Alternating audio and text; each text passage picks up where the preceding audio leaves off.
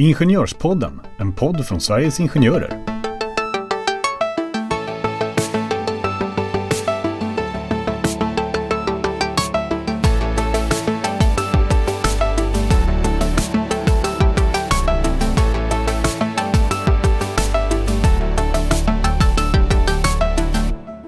Ja, då var det nytt år och även lite nytt här i Ingenjörspodden. Under några avsnitt förra året så har vi haft med Stina Schimstrand som gäst och eh, jag är idag otroligt glad att kunna presentera för er att Stina är min nya programledarpartner. Så roligt ska det bli. Så varmt välkommen Stina Schimstrand. Tack så mycket Jenny. Hur känns det? Jo men det känns bra. Det känns det? roligt. Ja, Ja. det gör. Jag sa det precis innan här till alla i studion att Stina har liksom tagit på sig nu när hon är ansvarig för den här podden en helt ny roll som, som jag tycker mycket om och som jag hoppas att ni även där ute ska tycka om.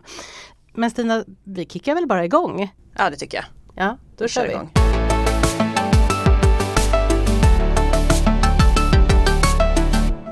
Vi befinner oss ju mitt i en avtalsrörelse Mm. och eh, förra avsnittet hade vi Camilla Frankelius här, Mm. vår förhandlingschef på Sveriges Ingenjörer och vi kommer eh, fortsätta lite i samma, på samma tema. Mm. och Avtal prata 2020 helt ja, enkelt. Exakt. Mm. Eh, för eh, nu är vi inne på nytt år och nu har vi växlat yrkandena, parterna har gjort så och nu väntar tuffa förhandlingar. Och Mm. därför har vi bjudit in en gäst som har mycket med det här att göra, nämligen förhandlingschefen för enheten eller för sektorn industrin. Mm. Så vi kommer gå igenom ett antal krav som Sveriges Ingenjörer har lagt fram och kanske få chans att höra lite mer vad arbetsgivarna tycker också. Så jag vill hälsa dig välkommen Daniel Falk, enhetschef och förhandlingschef på industrisektorn på förbundet. Tack, vad roligt att vara här. Daniel, vad är din roll på förbundet och vad kommer du göra i avtalsrörelsen? Ja, jag är förhandlingschef för industrisektorn sedan ungefär fyra år tillbaks. Eh, så att jag är ansvarig för de kollektivavtalen som finns inom industrin. Så det är liksom gruvor, verkstadsindustri, läkemedelsindustri, livsmedel. Daniel, jättekul att du är här. Eh, dina förväntningar på den här avtalsrörelsen, du har ju varit med om några avtalsrörelser innan, men vad är förväntningarna på just den här avtalsrörelsen? Ja, jag var ju med 2016-2017 och då var det ju ganska, då var det bara ettårsavtal. Mm. Och nu har det gått tre år sedan vi förhandlade senast och då har man ju fått eh, använda avtalen så att jag förväntningar på, eller parterna har nog ganska mycket att ja men vad har inte funkat så bra och då vill man ha förändringar. Så det är lite, lite mer eh, förändringar som man vill se från bägge sidor. Sen så, sen så tror jag att det kommer bli lite stökigt. Vi har ganska olika syn på ekonomin i Sverige och på företagen och internationellt eh, jämfört med arbetsgivarna och det tror jag kommer eh, liksom prägla den här avtalsrörelsen ganska mycket. Och vad betyder det? Det är att vi vill ha mer och de vill betala mindre. Ja, de tycker att det går ganska dåligt för Sverige Mm. eh, medan vi tycker att det går ganska bra för Sverige. Mm. Ehm, så att det, det kommer vi nog eh, prata en hel del om de kommande månaderna. Ja, För vi uttrycker det ju så att vi växlar yrkanden Mm. eh, och det gjorde vi innan jul. Vad, vad betyder det egentligen? Vad är att växla yrkanden och vad är det vi vill och vad vill arbetsgivarna? Ja, lite vad Camilla berättade liksom innan jul här var ju att vi har ju haft liksom medlemmar, förtroendevalda som har suttit på olika avtalsområden. Vad är det som inte funkar? Vad vill de förbättra inom sin bransch på avtalen? Så då har liksom varje delegation eller varje avtal som vi har, då har man eh, lagt krav på de här förändringarna vill vi se i det här avtalet. Och så har man gjort så på alla våra kollektivavtal inom industrin och sen så har arbetsgivarna gjort likadant. Och så bytte vi liksom våra önskelistor innan jul. För det här är ett Word-dokument kan man säga. Ja. Som också finns tillgängligt på vår hemsida så att det är Ja. öppet för alla att se vad, Ja. vad vi vill och vad arbetsgivarna vill också. Ja, absolut. Och det tycker jag man ska göra. Mm. Men vad kommer just den här avtalsrörelsen handla om då? Det är ju massa olika yrkanden. Mm. Du får sammanfatta lite. Ja, alltså en sak som är liksom när vi kräver högre löner och bättre villkor så är det en kostnad för företagen. Eh, så att vi pratar ganska mycket om liksom arbetskraftskostnader. Eh, för är, är liksom arbetskraften i Sverige för dyr jämfört med andra länder då går våra företag sämre och vi som liksom tappar i konkurrens. Eh, och tar vi för lågt, då får ju inte våra medlemmar ut så mycket pengar som vi tycker att de skapar på företagen. Så att eh, mycket handlar om liksom kostnaden för arbete och vi tycker att liksom svenska ingenjörer är väldigt prisvärda. De är jättekompetenta och eh, till liksom ett, ett väldigt bra pris för arbetsgivarna. Och om man jämför i Europa, alltså hur dyr eller billig är arbetskostnaden då? Alltså vi svenska arbetskraftskostnader, om man tittar på mm. hela svenska arbetsmarknaden så har vi, har vi liksom lägre arbetskraftskostnader än, än Västeuropa generellt som vi brukar eh, jämföra oss med. Så vi är något lägre där och, och ganska, ganska mycket lägre just nu jämfört med Tyskland som ju liksom har en ganska liknande industri även om den är mycket större än Sverige. Men vi jämför oss med dem så ligger vi, eh, ligger vi lägre. Mm. Och där pratade Camilla om också i förra avsnittet om märket, vad den mm. konkurrensutsatta sektorn mm. tål. Mm. Så vad ligger det på då? Vad har vi lagt fram för siffra? Vad tror vi? Att... 3,0 procent har vi sagt. Oj, där liksom steg, steg tonen. Ja, 3,0 procent. 3,0. Så eh, det är det vi ska räkna med vi går in i förhandlingar såklart så att, så att vad vi ska räkna med det är ju eh, det får vi helt enkelt se vad vi mm. kommer överens om för det, det kommer ju också nya ekonomiska siffror här hela tiden nu. Eh, så att det, det blir liksom, det är mars där på slutet på mars som vi då då har vi så bra framtidsprognos som vi kan ha. Samtidigt så säger vi att vi ska liksom inte när vi kräver löneökningar så är det inte så att har vi en högkonjunktur så ska vi ha jättehöga löneökningar och i lågkonjunktur då ska vi typ inte ha några löneökningar alls utan vi ser att det där liksom lönerna, de ska liksom stadigt ticka uppåt och de ska liksom vara en stabiliserande faktor. Det ska liksom inte gå som en jojo. Eh, så vi tror ju liksom att när vi ställer de här kraven så tror vi att det är långsiktigt hållbart för liksom svensk, svensk eh, konkurrenskraft. Mm. Men när man ändå pratar om lön då, för lön är ju alltid på tapeten och det är alltid viktigt för, för våra medlemmar och i slutändan är det väl att man om man tittar på sig själv så vill man ju ha mera klirr i kassan helt enkelt. Eh, varför är lön så viktigt? Varför är det en så viktig fråga? Men alltså, vi vill ju ha riktiga löneökningar som, liksom, som gör att man kan handla mer. Och vad betyder en riktig? det, nej, men, det, en låtsaslöneökning?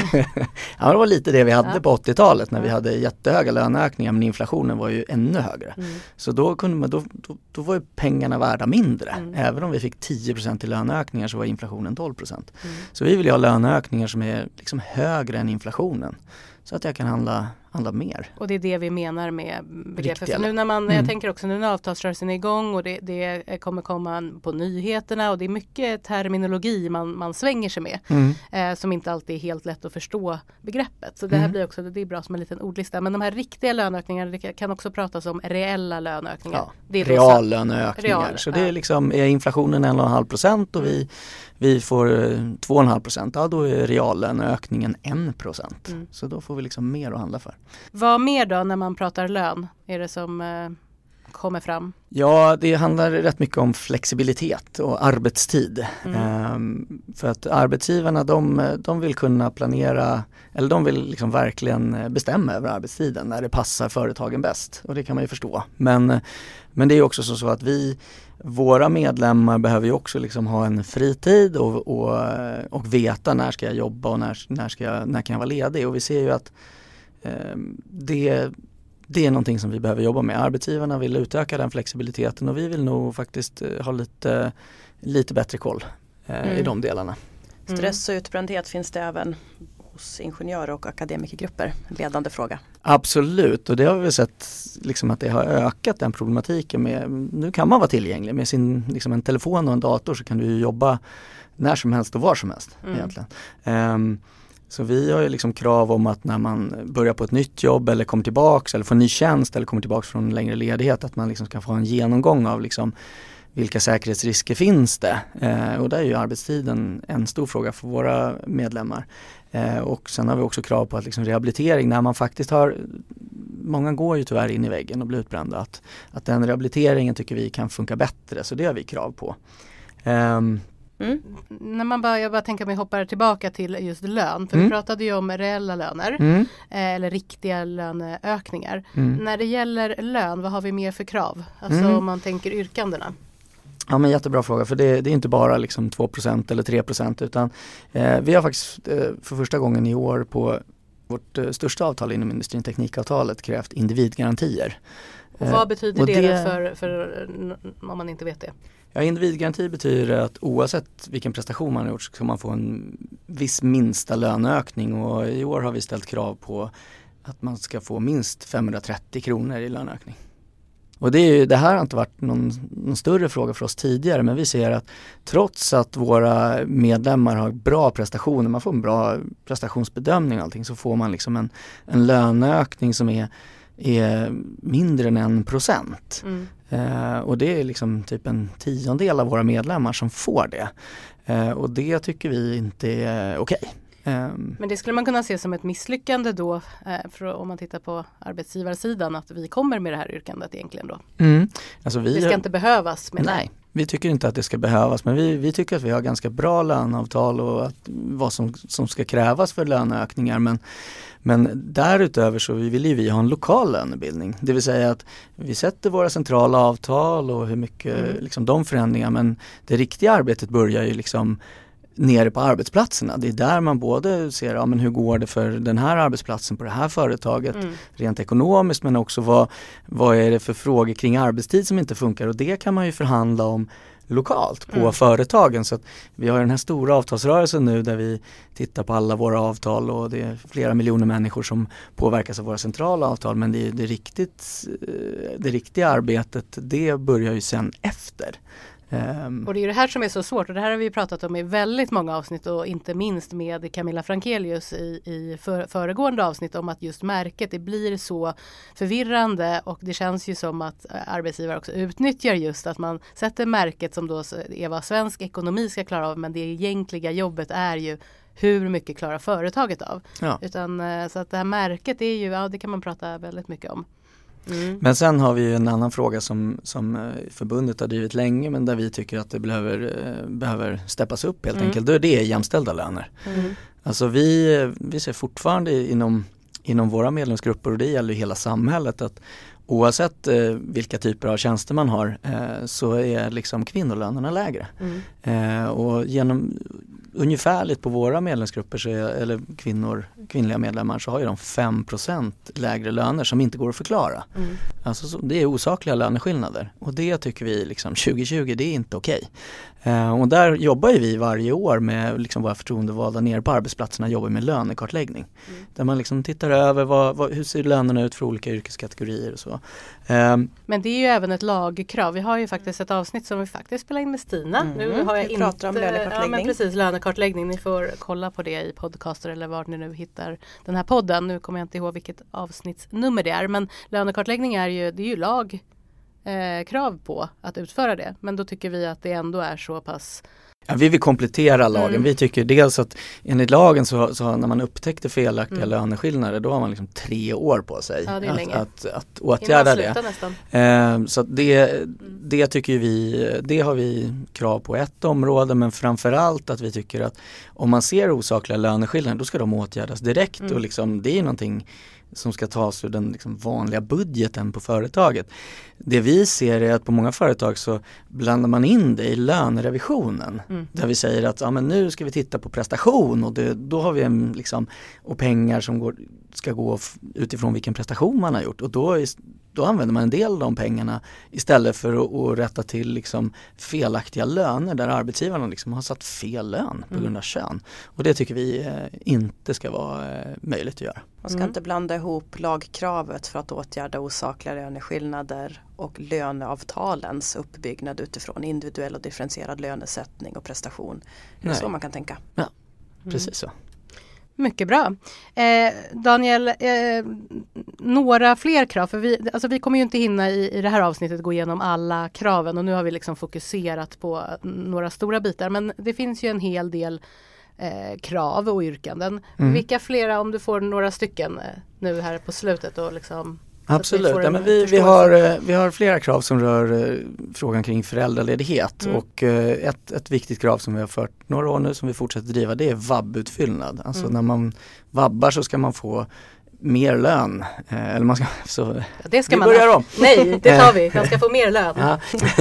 Nej, men eh, då får man ersättning från Försäkringskassan men den är ganska låg. Mm. Eh, och då tycker vi att man ska få en löneutfyllnad då när man vabbar för det ska liksom inte påverka vem i, i familjen som har högst lön och då, eller lägst lön och att den personen är hemma. Det ska liksom inte vara en ekvationen. Och händelsevis så råkar ju det vara oftast kvinnorna. Så det, att, att ett, eh, ett sånt krav ska både att man får lite mer pengar i plånboken men också att vi, vi ser ett jämnare uttag mm. av eh, vabbandet. Så det är en eh, viktig fråga. Många mm. känner säkert igen att det redan finns för, för föräldraledighet idag. Att vi har föräldralön eller föräldrale, föräldraledighetstillägg mm. i avtalen idag men det saknas faktiskt vid vård av sjukt barn. Ja, så det, borde, det, liksom, det här ligger i linje med det så det borde inte vara några konstigheter. Sen är ju pension eh, faktiskt. Eh, pensionsfrågan är ju jätteviktig mm. och vi har ju nu möjligheter att inom våra avtal att man kan gå ner i tid i slutet på sitt arbetsliv. Deltidspension eller flexpension kallar vi det. Eh, men då behöver man för att kunna göra det så behöver man ju ta ut pengar då. Så mm. att vi vill ju, det finns möjligheter men vi vill ju att avsättningarna där ska öka så att mm. vi har mer, mer pensionspengar. Och det är superviktigt nu när också pensionsåldern höjs mm. så kommer det här bli ännu mer aktuellt såklart. Absolut, mm. så den vill vi fortsätta bygga ut. Mm. Och liksom det var vabbutfyllnad, deltidspension eh, men sen också kompetensutveckling. Mm. Det är ju en jättestor fråga. Mm. Det skulle vi kunna ha ett helt avsnitt om säkert. Absolut. Mm. mm. Eh, så, att, så att den frågan och det ser lite olika ut på vissa, vissa av, liksom, områden, industrier. Där finns det liksom, kollektivavtal som är bra liksom. Mm. Eh, Medan det andra inte finns alls. Så att det vill vi, vi vill ha bra kollektivavtal och så vill vi faktiskt att, de, att man använder dem ute i verksamheten och det tycker vi inte att man riktigt gör. Så det är nog en gemensam grej som vi kan göra tillsammans med arbetsgivarna. Mm. Har du något mera, jag ska säga också innan jag, innan jag glömmer bort det, jag tror att Stina sa det, men alla yrkanden finns ju alltså eh, på, hemsidan. på hemsidan. Ja. Och även för er som inte vet det, och det kanske ni vet, men även kollektivavtalen, för vi har ju väldigt många kollektivavtal här mm. som vi förhandlar på Sveriges Ingenjörer. Jag tror vi brukar säga att det är runt 80 ja. kollektivavtal. Ja. Så att det är, men de finns också som sagt på vår hemsida, så tips att gå in på hemsidan mm. om ni vill kolla det. Daniel, känner du dig, eh, vi, vi är inte riktigt klara än, men är det någonting sådär eh, som du vill lägga till så får du gärna göra det. Nej, jag tycker att vi har tagit de frågorna som, eh, som är de största mm. frågorna. Jag tror mm. verkligen att eh, det, det, man får verkligen komma ihåg att, att det här sker på en ganska övergripande nivå. Mm. Vi jobbar ju på alla nivåer från mm. liksom hela Sverige till ner på olika branscher till företag och sen faktiskt individer. Att man kan ha, liksom, så att, eh, jag tror att eh, det får man komma ihåg. Eh, sen så är det väl, så, jo men sen ska man säga också att det här är de här avtalen som vi har, de, vissa av dem har vi liksom tecknat från början på 50 och 60-talen. Så mm. det är liksom inga revolutionerande förändringar som sker i varje avtalsrörelse utan vi jobbar sakta men liksom kontinuerligt och långsiktigt om att, att förbättra de här och anpassa dem efter, efter eh, liksom hur arbetslivet ser ut idag. Eh, så att, så att, eh, det är, det, som är, ja, men det är det som är det unika med vad vi kallar för svenska modellen och som ni pratade om i podden i avsnitt 7. Mm just det att vi har möjlighet, parterna från den, den fackliga sidan och från arbetsgivarsidan att göra de här anpassningarna eh, skruva lite på det, fånga upp områden som man behöver se över särskilt. Du har nämnt arbetstid, du har nämnt lön, du har nämnt olika delar som på ett eller annat sätt vi vill se eh, förändringar i. Istället för att man ska titta på lagstiftning, vi nämnde diskrimineringslagen. Mm. Det står tre år har man på sig ytterst att justera löne, osakliga löneskillnader. Så det här är ju eh, en enorm möjlighet för oss att kunna skapa goda villkor för våra medlemsgrupper genom mm. svenska modellen, genom avtalsförhandlingar. Så även om det bara blir att skruva kanske lite här och var som du säger Daniel att det är avtal som har funnits länge så är det ju ändå mycket som vi parter har möjlighet att göra istället för att vänta på riksdagsbeslut mm. eller statliga utredningar. Och, och de lagarna och besluten gäller ju oftast hela svenska arbetsmarknaden och, och då får man inte med det här att olika branscher, det är något helt annat än att jobba i hemtjänsten inom en kommun eller mm. att stå och liksom jobba inom, på ett verkstadsgolv eller nere i gruvan. Liksom. Mm. Eh, och det är ju det som är, är verkligen finessen med kollektivavtalen, man kan anpassa det efter bransch och sen kan man till och med anpassa det på den enskilda arbetsplatsen med de här lokala avtalen som vi pratar om. Ja, men det är ju en superstruktur. Jag tänker avslutningsvis här för nu har vi, vi har bjudit in dig idag och inte bara för att du är supertrevlig utan för att du också är förhandlingschef för industrin som faktiskt är de som går först eh, nu här i avtalsrörelsen. Och du sitter ju tillsammans med bland annat Camilla Frankelius med teknikavtalet. Eh, har ni, bara så att, jag tänker vi kanske får tillfälle att bjuda tillbaka Daniel här för nu är vi liksom, det här blir ju en, en fortsättningsserie, mm. avtal 2020, det har vi ju sagt. Men vart någonstans befinner ni er? Har ni kickat igång era förhandlingar? Yes, vi har mm. börjat, vi har träffat, eh, det börjar med att man växlar kraven innan jul och sen mm. så har vi träffats den här veckan faktiskt och, och, och förklara våra krav närmare mm. eh, och lägga upp liksom förhandlingsprocessen hur vi ska jobba nu framåt. Och nu, nu jobbar vi eh, under januari och februari eh, så sitter vi och förhandlar och ser vad vi kan, vad vi kan eh, komma överens om och jobba vidare med och sen så sista månaden där i mars då, mm. vi ska vara klara sista mars, mm. då kommer det faktiskt också in medlare just för att hjälpa oss eh, komma ända fram så att vi blir klara den sista mars. Men vi kanske, Stina vad säger vi kanske ska bjuda tillbaka Daniel eller någon annan valfri gäst eh, i eh, slutet eh, av avtalsrörelsen. Får se om Daniel har något hår kvar eller om han har slitit av sig allt hår i sin frustration över tuffa förhandlingar. Nej, det här är ju, det här är slutspel, det här ja. är superkul, ja. verkligen. Jättespännande. Men du Daniel, det var jättekul att du var här och eh, jag hoppas att ni som lyssnar också fick ut någonting av det här avsnittet och eh, ni får följa med på den här resan helt enkelt, Avtal 2020. Mm, och tack Stina! Resa. Tack Jenny! Mm, då hörs vi nästa gång helt enkelt. Mm. Hej då! Hej då! Hej då!